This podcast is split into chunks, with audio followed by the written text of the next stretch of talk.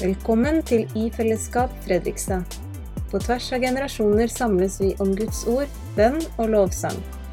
Du kan følge oss på sosiale medier eller nettsiden ifellesskap.no. I denne podkasten kan du lytte til andakter, samtaler og bibelundervisning fra vår menighet. Tusen takk for uh, at jeg får komme hit i dag. Det er veldig kjekt å få reise litt rundt til steder. Jeg er jo ikke så kjent med Misjonssambandet, så det er veldig hyggelig å komme rundt. Ja, jeg skal snakke om Bibelen er troverdig. Fordi eh, kristen tro bygger jo på eh, Bibelen. Og, og, det forutsetter derfor en tillit til Bibelen. Um, fordi hvis jeg skal bygge livet mitt på noe, og hvis eh, Ja, vi alle vil jo bygge livet vårt på den kristne troen, og for oss så er ikke den kristne troen bare en aktivitet som vi har for å fylle timeplanen, for å gå litt på gudstjeneste, for å sette litt ekstra i kalenderen, men det er noe som vi gjør fordi vi eh, tror det er sant, og vi vil eh, Ja, skal, hvis, hvis, man, hvis, troen skal være noe som styrer tiden vår, prioriteringene våre, og livsmål, ekteskap, vennskap osv., så, videre, så er det viktig at vi finner ut at det er troverdig, det vi tror på. Og vi stoler jo hver dag ut på, eh, på hva som er troverdig eh, for oss, uten at det er eh, eh Litt nærmere? Oi, såpass. Sånn. Ja. Um, oi. Vi stoler uh, hver dag på ting um, ut fra hvor um, troverdig det er, uten at, det, uten at vi nødvendigvis har empiriske eller sånn uh, forskningsmessige bevis. Så det er ikke det at vi må uh, At det ikke kan være rom for tvil, men det er viktig at vi har gode grunner. Fordi jeg tror at Gud kaller oss ikke til en blind tro. Eh, der vi ikke har noen grunner, men til en relasjonell tro. Og sånn som når vi har relasjoner i livet vårt, så, det, mm, så har vi gode grunner for å tro Jeg kan kanskje ikke bevise at uh, mammaen min er glad i meg, men jeg kan ha gode grunner for det ut fra uh, erfaringer i livet. Og det samme tror jeg det gjelder med Gud og tro til Bibelen. Jeg hørte en sammenligning um, av en kar som sammenligna det med å ha blind tro med uh, et program som heter Gift ved første blikk. Jeg vet ikke om dere har sett på det. Men uh, det er i hvert fall litt tullete å skulle ha, gjøre en så viktig avgjørelse som et ekteskap, og noe som skal definere hele livet, eh, ut fra et førsteinntrykk. Og det samme er det med troen. Hvis vi skal bygge hele livet vårt på noe, så er det viktig at det ikke bare er ut fra et førsteinntrykk.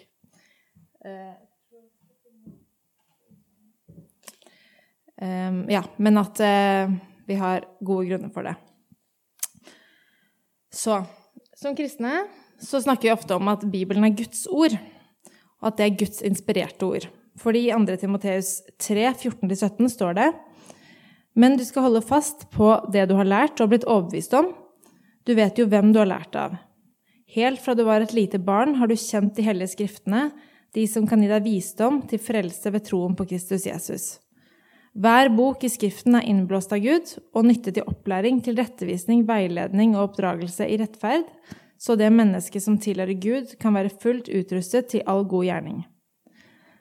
Så her står det at Skriften er innblåst av Gud. Men likevel så vet vi at det er eh, Bibelen er skrevet av 40 forskjellige folk, og det er ulike skrivestiler. Så Bibelen er på andre områder også da menneskers ord om Gud. Men de fleste kristne mener at disse menneskene som skrev, ble inspirert av Gud og ledet av Gud. Og i så fall så blir Bibelen Guds ord om seg selv, og derfor en måte for oss å bli kjent med ham på. Så vi kan kalle Bibelen også for en åpenbaring av Gud, fordi Gud har valgt å vise seg til oss gjennom Bibelen. Og eh, mest av alt gjennom Jesus. At vi kan lære av å se Guds karakter gjennom hvordan eh, Jesus eh, er med de rundt seg. Og så er det viktig her å presisere at det er ulike bibelsyn som ofte avgjør hvor folk lander i tolkningsspørsmål og ulike spørsmål i kirkedebatten.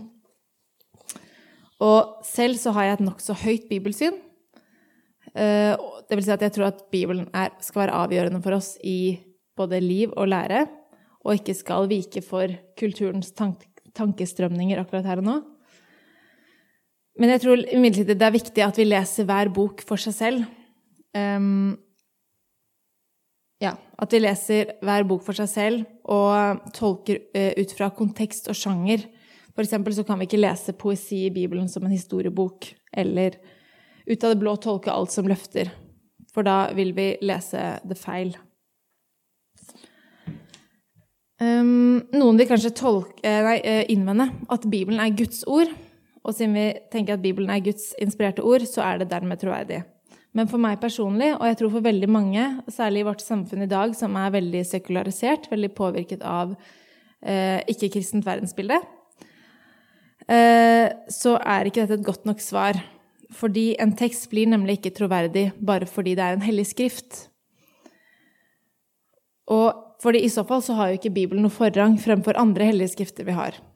Her har jeg jo trukket frem um, um, ja, hellige skriftene til uh, både islam og hinduismen, som er uh, to av de store verdensreligionene. Uh, ja, ved siden av kristendommen, jødedommen og buddhismen. Og vi lever i et pluralistisk samfunn med veldig mange religiøse retninger overalt. Og vi blir derfor tvunget til å stille oss spørsmålet hvorfor skulle Bibelen være mer troverdig enn noen av disse andre? Og hva gjør Bibelen annerledes fra andre religiøse skrifter? Eh, for å sammenligne med de her, så eh, er Koranen ifølge muslimer en direkte åpenbaring fra Gud og uten menneskers hjelp til å lage den. Og eh, ifølge Ja, ifølge islam så um, bare skrev Mohammed ned det som ble diktert til ham. Og Koran betyr oversatt resitasjon. Så det er helt uten menneskelig påvirkning. Og det samme med vedaene, som betyr visdom, de, som er de hindusiske skriftene. De er trodd å være evige og guddommelige uten menneskelig påvirkning. Men de bibelske tekstene, som er eh, Ja, Gamletestamentet er jo også jødenes tekst. Og til kristendommen De har alltid vært åpen om at det er både historiske tekster og guddommelige tekster. Um, så det er skrevet av mennesker, men likevel guddommelige. På samme måte har jo alltid kristne trodd at Jesus er fullt ut Gud og fullt ut menneske. Så det er det som, dette er noe av det som skiller Bibelen med eh, fra de andre religiøse skriftene.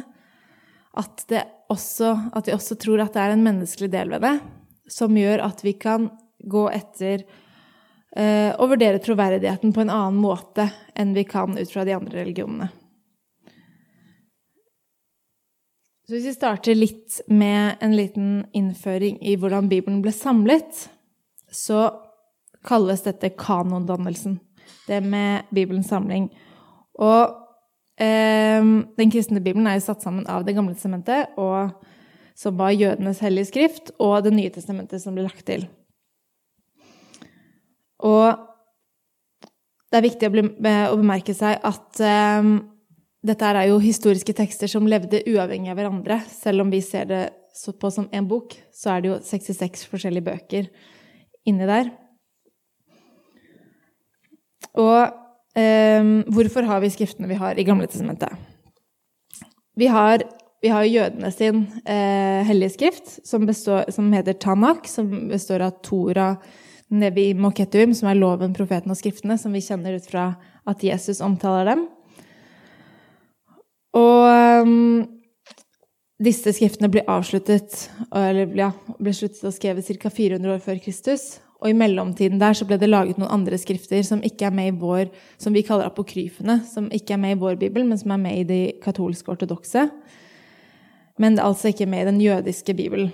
Så eh, ettersom Jesus så på det som var Tanak, eh, som er ja, som Guds ord, ut fra det vi leser om han i Gamle Sementet, så omtaler han det som Guds ord, og derfor så har kristne videreført dette her som Guds ord.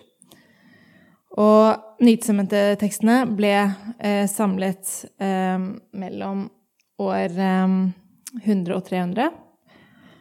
Og det er en myte Jeg vet ikke helt hvor eh, mye dere har møtt på dette her, men det er litt forskjellig. Men i noen eh, i populærkultur og litt sånn, så florerer det rundt med mange myter om kristendommen. Og blant annet eh, at eh, Nytestamentets skrifter ble bestemt eh, som en maktbestemmelse på kirkemøtet i Nikea i 325. Og den er til og med myten spredt seg noen steder til og med til skolebøker, så mange tror at dette stemmer, men det er ikke noe historisk grunnlag for å hevde det. Men siden den gamle pakt hadde sine skrifter, så var det også naturlig at den nye pakt skulle få sine skrifter. Og Jesus ga disiplene autoritet, og flere ting tyder på at eh, de som eh, skrev eh, bøkene i Nytestamentet, visste at de skrev for, eh, fortsettelsen på Gamletestamentet. Og ettersom de Etter hvert så ble det jo veldig mange kristne skrifter, og så ville de kristne samles for å se hvem av disse som skulle ha autoritet som Guds ord. Og derfor så ble det noen autoritetskriterier, eller noen eh, utvelgelseskriterier, som skulle benyttes for å finne ut hva som skulle samles til eh, Den hellige skrift. Eh, ja, nei, det var feil. Um, og det ene var autoritetskriteriet. At de som eh, skulle Ja, de skriftene som skulle være med å samles i, i den samlingen som de kristne skulle følge, det måtte de enten være disipler av Jesus eller deres etterfølgere igjen. Uh, og så var det tid. Altså det måtte være skrevet i det første århundret etter Kristus. Eh, for det måtte ikke gå for lang tid. eh, fra det som skjedde. Og så var det det med sirkulasjon eller bruk, at måtte, skriftene måtte allerede brukes av kirkene. Og så var det det med teologi. At i de få tilfellene der eh, forfatteren var ukjent, så eh, måtte teologien stemme med det kristne alltid hadde ment. Og kirken ble tidlig utfordra på dette som de satte sammen til sin kanon. Eh, F.eks. av en kar som het Markion på 100-tallet. Han, um, han, han, ville lage sin egen kanon fordi han var ikke fornøyd med det. Han, um, han lagde en der hvor han fjernet hele Gamle testamentet og kun beholdt revidert, eh, en revidert versjon av Lukas' evangelium og ti Paulusbrev, fordi han syntes at resten passa ikke med den eh, Jesus han eh, likte, eller ja, syns, eh, ja, syns passa. Og senere så ble også kirken utfordra med gnostiske skrifter som kom mer med sånt skjult evangelium med annen teologi.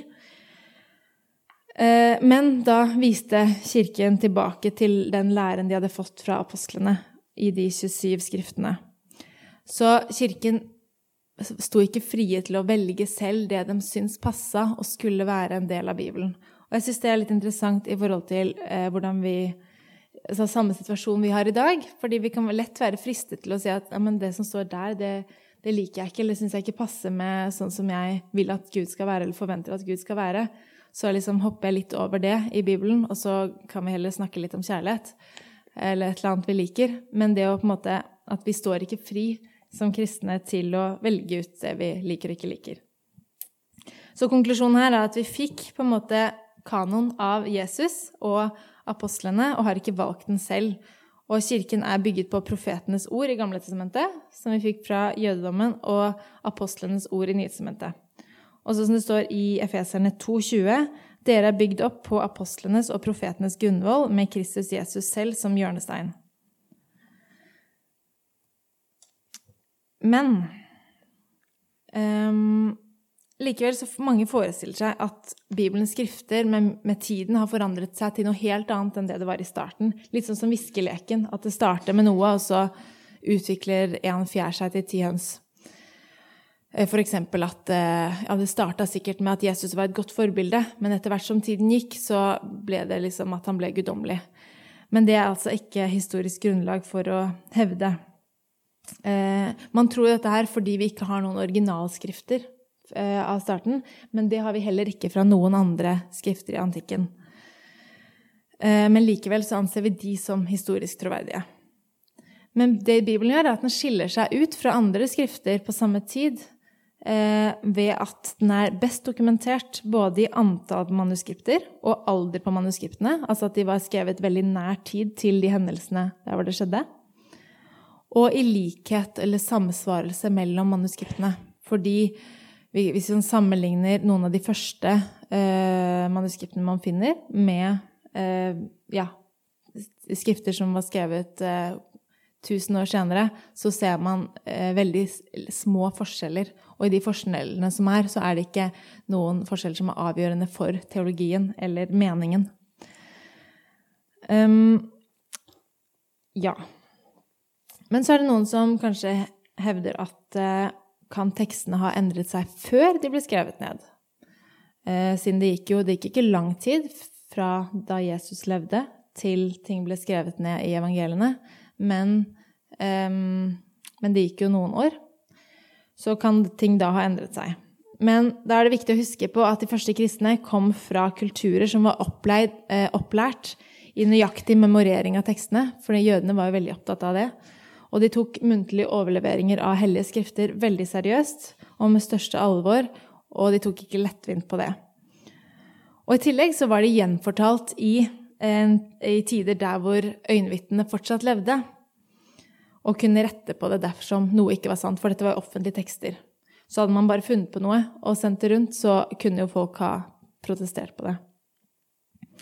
Og så er det også viktig at vi husker på at i starten så var jo kirken undertrykt.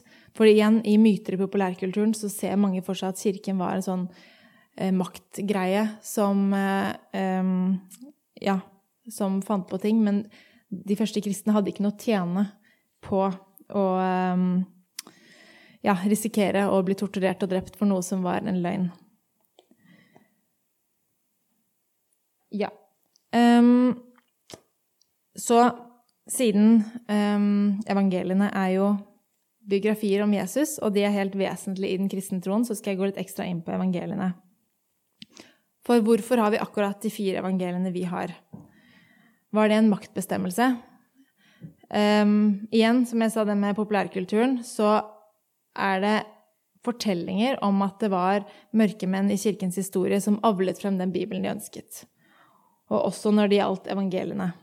For eksempel, jeg vet ikke om dere har vært borti um, Dan Brown sin Da Vinci-koden, som er en fiksjons... eller en roman, men den er satt i historisk tid, så mange mistolker og tror at dette her faktisk er um, historisk sant. Um, og da får vi høre at det var et mangfold av evangelier, men at det var kun de fire som ble til i Bibelen, som ble satt der fordi, som en maktbestemmelse fordi eh, de, eh, de, andre evangeliene ikke tegnet Jesus som guddommelig, f.eks., men det var kun de som tegna Jesus som guddommelig, som ble tatt vare på. Men eh, bibelforsker Bart Ehrman han sier at eh, de forestillingene om at kirken prøvde å ødelegge bøker, bygger på en forestilling om at det å bli kvitt bøker på den tiden eh, var noe problem. Eh, men det skjedde derimot helt av seg selv hvis ingen aktivt tok vare på dem, ettersom det materialet det sto på, papyrus, er såpass skjørt. Men tvert imot, hvorfor har vi de skriftene vi har i dag? Uh, og det gjelder ikke bare bibelske skrifter, men også andre filosofiske skrifter fra både Platon og Aristoteles osv. Det er fordi kirken har tatt vare på det gjennom middelaldrenes kloster. Så kanondannelsen av evangeliet, det skjedde, eh, evangeliene det skjedde ikke fra et mangfold til få, men heller omvendt fra få til flere, fordi samlingen ble utvidet etter hvert til det var fire evangelier. Bibelforsker eh, Oskar Skarsaune sier at de fire evangeliene var de eneste evangeliene vi var sikret på var skrevet i det første århundret. Og han betviler på at det fantes um, apokryfe evangelier, altså evangelier som ja, de utenom, som ikke ble tatt med i Bibelen. At de ikke ble laget før 150 år etter Kristus. Ja, så altså de begynte å komme etter at øyenvitnene og sånn begynte å dø. Um, oi, der var den. Ja. Men ja, nå har jeg sagt litt om at eh, de apokryfe evangeliene ikke er troverdige. Men det er jo ikke noe grunn for å tro at de fire evangeliene vi faktisk har, er troverdige.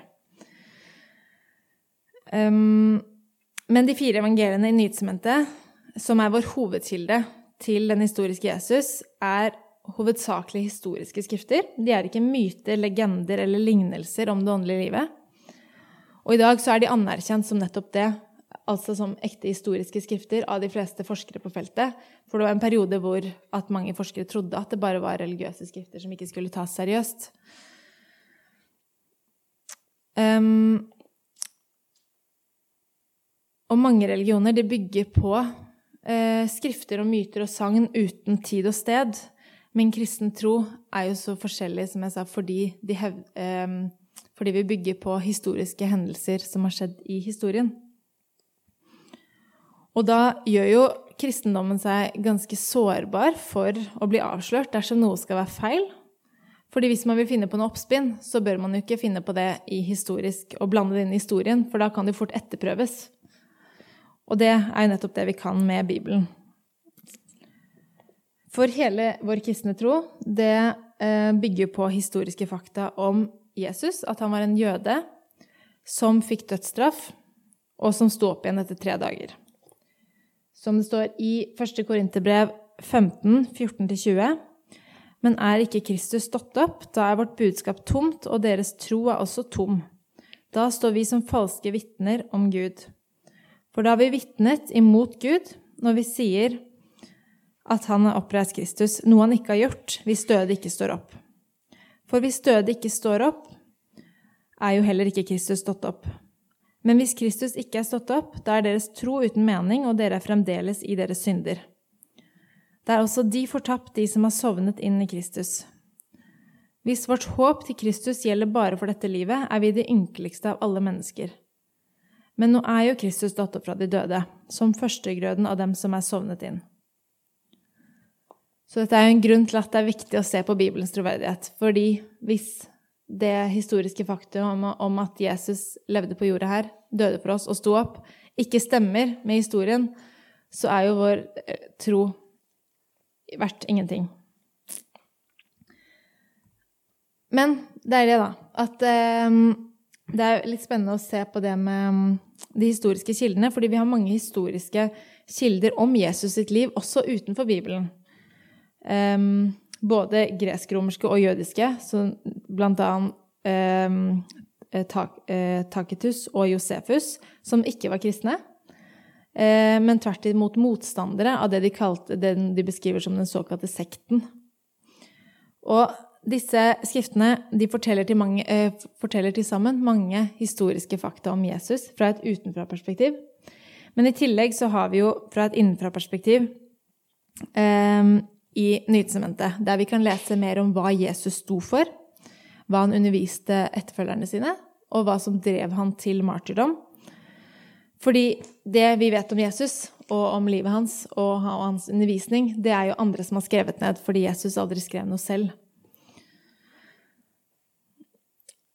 Men kan noen spørre er de kristne kildene troverdige er, eh, nei, mindre troverdige fordi de er skrevet av Jesus sine etterfølgere, altså folk som trodde på han?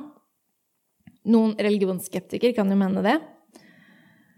Um, men det er ikke rettferdig å si når det gjelder troverdigheten, fordi det er ikke interessant eh, med tanke på historisk troverdighet om de som skriver det, er eh, motstandere eller etterfølgere. Eh, fordi det meste som er skrevet om enten baking, sykling, fotball eller noe annet, er jo skrevet av folk som er interessert for det. Men det viktige, det er om de forholder seg til historiske kriterier. Hvilket, som jeg sa, eh, historieforskere er enige om at Nytestamentet gjør. Så faktisk er de nytestamentlige tekstene de, mest, de eldste og best kildene til Jesus sitt liv, rent historisk også. Eh, teolog eh, Teolog eh, Hans Johan Sagerussen han ramser opp noen argumenter for at de er troverdige. Det er jo fire evangelier om de, mange av de samme hendelsene, men på ulike måter. Og det blir litt sånn som i rettssak, at det blir mer troverdig når det er flere kilder som forteller om det samme. Fordi eh, flere av de eh, skriftene vi har i Nytestamentet, og evangeliene, kommer ikke fra samme kilder, men forteller om de samme tingene. Og vi tenker kanskje ikke at det er så spesielt når jeg leser min bibel, og så leser jeg noe i Lukas evangelium og noe i Markus evangelium eller et annet sted i Bibelen som stemmer, eller et annet sted i Nytestamentet som stemmer litt med hverandre, så tenker jeg ikke at det er så stort, fordi jeg tenker at dette er Bibelen. Men med tanke på at det er historiske tekster hver for seg, så er jo det ganske eh, Det gjør det mer troverdig. Um, og så I tillegg så er det det med troverdigheten på at evangeliene ble skrevet mellom 30 og 70 år etter at eh, hendelsene skjedde. Og derfor så vil jo flere øyenvitne eh, leve, som, det, som, gjør det mer troverdig. For de kunne ikke bare skrive fri fantasi. Og så ble tekstene raskt spredt utover store områder. Um, uten at det kom motstridende tekster. Før, først mange år senere, etter at øyenvitnene som var dødd, så kom de apokryfe tekstene, de tekstene som kom med et annet evangelium. Og så er evangeliene åpne om at de er skrevet for, som bevis for ettertiden, um, og for å overbevise om at Jesus er Gud. Og de hadde jo ikke noe kamera eller internett eller noe sånt på den tiden, så de brukte sin tids eh, teknologi, altså å skrive, for å dokumentere den historiske hendelsen som var skjedd. Og ikke noe av dette her beviser på noen måte at evangeliene eller Bibelen er Guds ord, men det argumenterer for at de er historisk troverdige ved rent historisk kritisk forskning. Og så Det samme da gjelder for eh, innholdet. Det er ikke noen beviser, men innholdet i evangeliene også taler mot at det er bare legender Eh, for mye av innholdet i evangeliene det gjør det uh, lite sannsynlig at noen bare skulle finne på det for å fremme en religion eller et livssyn. For det er mange flaue og skamfulle ting som uh, man ikke ville bare funnet på, og som er mer sannsynlig at er sant enn at det er oppspinn. For eksempel, hvorfor tok ikke Jesus side i saker som senere ble debattert? Fordi vi kirkeledere på den tiden skrev evangeliene for å fremme sin sak, burde Jesus tatt side i, i debatter som pågikk i urkirken. Eh, F.eks. at hedningekristne ble, om de skulle bli omskåret eller ikke, som vi ser er en debatt i eh, ja, f.eks. i apostelens gjerninger. Eh, men det er ingen Jesusord om dette som på en måte bekrefter det ene eller andre. Og hvorfor skulle de fremstille Jesus så svak? Hvorfor skulle de dikte opp at Jesus ble korsfestet? Det ga verken et godt inntrykk til jøder eller hedninger. Og eller at Jesus ber om å få slippe i Getsemane. Eller at han roper til Gud at, eh, at 'Gud, hvorfor har du forlatt meg?' Dette var tvert imot veldig skamfullt. Altså, vi kan jo tenke at det er rart egentlig for oss i dag. Eller vi, vi er jo litt sånn Kanskje mange av oss er innkokt i kristendommen, så vi tenker at det er naturlig. Men ellers er det liksom rart at, at vår, den vi tror på frelseren vår, skal dø. Eh, bli torturert av menneskene. Og i hvert fall på den tiden så var det veldig skamfullt, og ydmykhet var jo absolutt ingen dyd på den tiden. Så det var ikke noe man ville funnet på om en skikkelse man ville opphøye. Eller hvorfor velge kvinnelige eh, vitner, som var de første som kom til graven og så Jesus? Fordi på den tiden så ble ikke kvinnene kvinnenes vitnesbyrd anerkjent. Så det, eh, hvis man skulle finne på det, så ville man i hvert fall ikke valgt kvinner. Eller hvorfor fremstille apostlene så smålige og svake? Um, ja, fordi disiplene og de som da ble kirkelederne etter at Jesus døde, de blir jo eh, omtalt i Bibelen som misunnelige, smålige, treige, oppfattelsen feige. Og Peter, som ble eh, ja, kirkeleder eh, etter at Jesus døde, han fornekter og, eh, Jesus og svikter han, og til og med forbanner Jesus. Å ha såpass mye kritikk av religionens ledere eh, som er i evangeliene, eh, altså kjerneteksten til troen vår, det er svært uvanlig sammenlignet med noen andre religion eller politiske bevegelser. Og hvorfor skulle eh, man, hvis dette, opp, hvis dette bare er oppspinn, hvorfor skulle man utfordre virkelighetsforståelsen til datidens gresk-romerske og jødiske ledere som var makteliten? Fordi igjen, som jeg sa i stad, de hadde ingenting å tjene på det, men ble tvert imot torturert og drept for troen sin. Og så er det et, eh, en ting som jeg syns var ganske interessant også, at um, Hvorfor er evangeliene så detaljerte? Fordi evangeliene har svært mange detaljerte uh, det, ja, detaljopplysninger som ikke har noe å si for fremdrift i fortellingen. Og vi tenker kanskje ikke så mye over det i dag, fordi det er såpass vanlig i dagens romaner. Men det ble ikke brukt i eh, fiksjonslitteratur i antikken. Så C.S. Lewis, eh, han har dere sikkert hørt om, eh, både forfatter og litteraturviter. Han var jo han var ateist, og så ble han kristen. Han sa jeg har lest hele mitt liv, eller jeg har hele mitt liv lest dikt, romanser, visjonsdikt, legender og myter. Jeg vet hvordan de er, og ingen av dem er som Bibelens evangelier. Evangelietekstene kan bare oppfattes på én av to måter. Enten er det reportasjer, eller så har en ukjent forfatter uten kjente forgjengere eller etterfølgere plutselig foregrepet hele den realistiske fortellerteknikken som kom med den romane, nei, moderne romanen. Så det syns jeg er litt interessant, da. Um, men nå skal jeg se hvor lang tid jeg har brukt. Ja. Ut fra det vi nå har sett på, så virker det jo som det er ganske overbevisende grunner, iallfall syns jeg, eh, til at evangeliene og Bibelen er troverdig, historisk troverdig.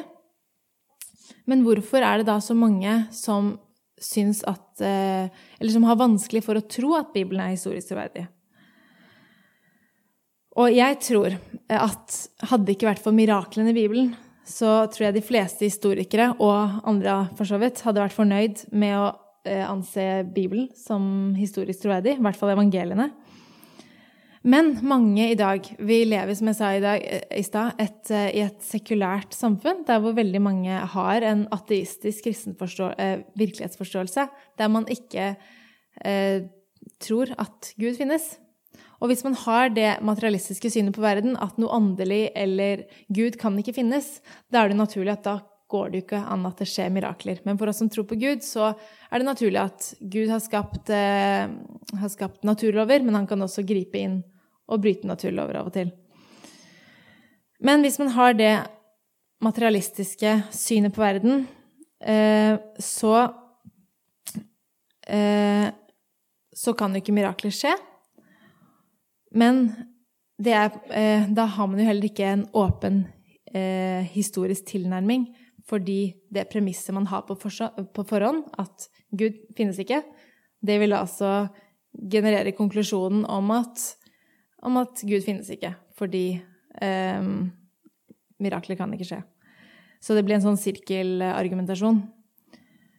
Men det som er greia, er at historikere kan verken bekrefte eller avkrefte at Jesus gjorde mirakler. For det ligger utenfor det historiske feltet og over i filosofisk tolkning av det som skjedde. Men det de fleste moderne forskere er enige om, er at Jesus gjorde ting som ble tolket av alle rundt ham som overnaturlig. Og til og med i skrifter av motstanderne til Jesus, eh, og det vi også leser i Bibelen av motstanderne til Jesus, f.eks. For fariseerne, det er at de forsøker ikke å benekte at Jesus gjorde overnaturlige ting, men de kaster heller, lys, eh, kaster dem heller i negativt lys, f.eks. å skylde på magi og demoner. Det ser vi at f.eks. at fariseerne gjør i eh, evangeliene. De sier at det Jesus gjør, er av, av den onde. Um, ja. Og så vil jeg gå over til uh, Ja, for nå har vi jo sett på det veldig det tekniske og rasjonelle, kanskje litt tunge greiene her. Vet ikke helt om uh, Ja. Men, jeg, men det som jeg syns er litt interessant, er at ofte så er det jo ikke Enten vi snakker med folk, eller det er oss selv, så er det jo ikke det, nei, det rasjonelle vi sliter med. Det er det emosjonelle. Også når det gjelder Bibelens troverdighet. Fordi jeg tror veldig mange eh, vi kan snakke med, som både tror og ikke tror, kan bli sjokkert over utsagn som står i Bibelen, og bare riste på hodet for at dette her kan, dette her kan ikke være Guds ord. Og, fall, eller, og det kan ikke være troverdig. Fordi jeg møter jo veldig mye Jeg har vært på noen ganger på, rundt på kristne skoler og Nei, ikke, ikke kristne skoler, men rundt på skoler og svart på spørsmål om kristen tro. Og da er det veldig mange som kan spørre ja, men hvorfor skal man følge Bibelen? Det er jo bare en utdatert, gammel bok. Vi burde jo komme oss videre.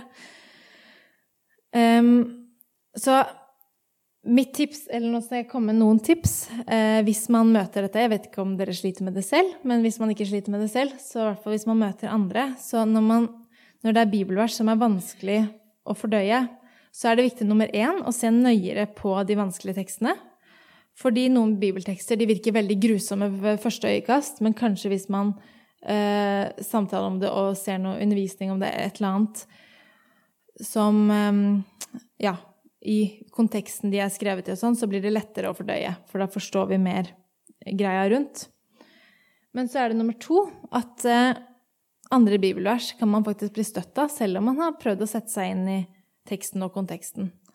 Og da kan man se på hvorfor er de vanskelig å fordøye er det da at vi kanskje har et for positivt syn på vår egen samtid og den kulturen vi eh, lever i, og den tidsånden som foregår nå? Og er vår tid og den kulturen vi lever i, eh, overlegen andre eh, tider? Eh, C.S. Lewis igjen, jeg er veldig glad i han, han, sier, han kaller dette for kronologisk snobberi. Fordi igjen veldig mange sier, kan si at eh, Herlighet, har vi ikke kommet lenger, vi lever tross alt i 2021. Men så endrer jo det tallet seg bare jo lenger vi går. Så, men, så det er ikke noe argument at så langt har vi kommet, derfor så vi kommet eh, Derfor så har vi fasiten, eller i hvert fall er nærmere fasiten. For det syns jeg er ganske interessant eh, når det kom til eh, Ja, når det gjelder historien, så Jo, i opplysningstiden så ble jo veldig mange sånn gira på at nå har vi så mye kunnskap, så nå, eh, nå går verden bare fremover. Men så kom jo det eh, 1900-tallet, og det medførte to grusomme verdenskriger. Og da var det veldig mange som i eh, etter, etterkant av det ble helt sånn desillusjonerte. Man, man, skjønte ikke hva som foregikk, og ble helt eh, Ja, holdt på å si lufta gikk ut av ballongen fordi man så at det, at vi har mye kunnskap, det, får, det trenger ikke ha noe å si for moralen. Vi har ikke kommet så langt som vi trodde. Moralen har ikke gått fremover selv om Og vi som menneskehet har ikke gått fremover selv om vi har mye kunnskap.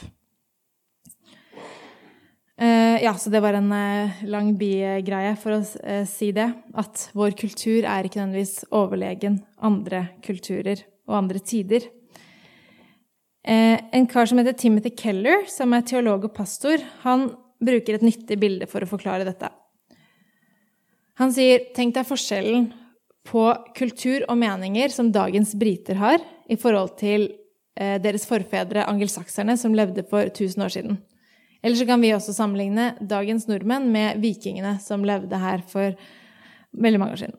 Um, og tenk at begge leser samme tekst i Markus 14, og først så leser de om Jesus som hevder å være menneskesønnen. Og så ved tidens ende så skal han komme tilbake til jorden og avsi en rettferdig dom. Og deretter så eh, leser de om den ledende disippelen Peter som fornekter Jesus um, og forbanner ham for å redde sitt eget liv. Men senere så ble Peter tilgitt og gjeninnsatt som leder. Hvordan blir eh, denne teksten oppfattet av begge? Og dagens briter, eller nordmenn, vil ikke like den første teksten, for den høres så dømmende og ekskluderende ut. Men den andre teksten derimot vil de elske, for den er så fin og tilgivende og forsonende, noe som passer veldig godt med den tiden vi lever i, og hva som er moderne i dag. Men for angelsakserne vil den første teksten ikke være problematisk, for de har hørt om dommedag og er glad for å høre mer om den. Men den andre teksten derimot, den er sjokkerende og vanskelig for dem. For illojalitet og forræderi av den typen som Peter gjør, kan aldri tilgis, og han skal i hvert fall ikke innsettes som leder av kirken. Så tilgivelse av Peter vil for dem være motbydelig og frastøtende og få dem til å kaste fra seg Bibelen og kanskje ikke anse den som troverdig. Og vi syns kanskje i dag at angelsakserne var primitive. Men en dag så vil fremtidens folk se på oss som primitive. Så igjen, hvordan kan vi bruke vår kulturs oppfatninger til å bedømme hvilke eh, deler av Bibelen som er gyldige og ikke? Ville ikke det vært dumt om vi forkastet Bibelen og kristendommen på grunnlag av en overbevisning som snart blir fremstilt som ganske svak og kanskje til og med feilaktig. Og jeg liker jo det sitat, eller ikke sitat, men ordtaket med at den som gifter seg med tidsånden, blir fort enke. Og dessuten, hvis vi forkaster kristendommen fordi vi blir støtt av noe i Bibelen, så forutsetter vi samtidig at Gud, hvis han finnes, ikke kan ha synspunkter som opprører oss. Og er det en fornuftig antakelse? Jeg vil si nei. Eh, det var et langt punkt nummer to. Eh, da er vi på punkt nummer tre. At se på kjernepunktene først i kristendommen. Altså, hvis, man, hvis vi sliter i samtaler med mennesker um, som har problemer med å svelge ulike ting i kristendommen, eller kristen tro, så trekk frem Jesus sitt liv, død og oppstandelse. For det er viktig at vi veier opp om dette her er sant først før vi avviser kristendommen på grunnlag av mer omstridte og perifere lærepunkter. Fordi dersom Jesus er Guds sønn og har stått opp fra de døde, så må vi ta hans lære på alvor, alt det han sier, eh, og ha tillit til hele Bibelen. Men på den annen side, hvis Jesus ikke har stått opp, så hvorfor så skulle vi bry oss om noe av det som Bibelen sier om noe som helst?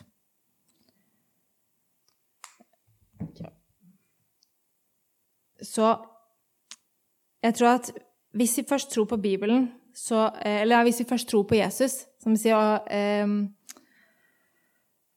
så må vi stole nok på Bibelen og på Gud til å la den korrigere og utfordre oss også. For hvordan kan vi ellers ha en personlig relasjon til Gud? Fordi alle eh, ordentlige relasjoner så må den andre kunne motsi oss. F.eks. se for dere et ekteskap der hvor kvinnen ikke får motsi mannen, så er ikke det en ordentlig god relasjon. Så hvis vi leser Bibelen, og vi stryker under de fine versene om kjærlighet og tålmodighet og alt vi liker, men så stryker vi over det som vi syns høres intolerant ut og ekskluderende ut, om bare om dom og bare én vei til frelse, så lager vi en fantasigud for oss selv og danner oss en gud i vårt eget bilde. Så en autoritativ bibel, det eh, er en forutsetning for å ha en personlig relasjon til Gud. For altså, jeg tror ikke på det Bibelen, eh, veiledningen Bibelen gir om dom, moral, syndenatur osv., fordi jeg ønsker å tro det. Fordi mange av Bibelens sannheter er ubeleilige for meg. Og for oss eh, Ja, vi har sikkert ulike ting. Men jeg tror på det fordi det er, jeg tror det er sannhet. Av ting vi har snakket om her, av historiske grunner og andre grunner og at Guds sannhet også er større enn våre små hjerner kan fatte. Så oppsummert så tror jeg at vi har mange gode historiske argumenter for å ha tillit til Bibelen. Og at vi ikke trenger å komme med lue i hånda til andre eh, heller eh, når det gjelder dette her. Og særlig også eh, historiske gode argumenter for til det evangeliene sier om Jesus, som vi gikk litt ekstra inn på her. Men selv om vi har dok godt dokumenterte skrifter, så må vi likevel ta et standpunkt til innholdet, og om vi vil ha tillit til Bibelen eller ikke. Um, fordi det å si at den er historisk troverdig, er ikke det samme som å si at den er Guds ord. Og dessuten så kan det være mange som forsker på Bibelen og ser at den er historisk troverdig, men man ikke, velger ikke å ta det steget til å ha Jesus som herre og frelser i livet sitt. Uh, så det er et steg å ta, for det er en relasjonell tro. Uh, det er ikke en eh, ja, som bare går på hjernen. Ja. Og så er det viktig for meg å si at Jesus tvinger ingen, så da er det ikke min eller din oppgave heller.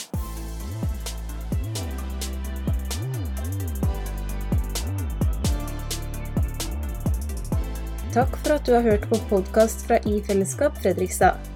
Vi håper det blir til velsignelse for deg. Vårt mål er å finne de som søker, og bevare de som tror. Sammen vil vi dele livet, tjene hverandre og vokse som Jesu etterfølgere, medvandrere og fellesskap. Velkommen tilbake.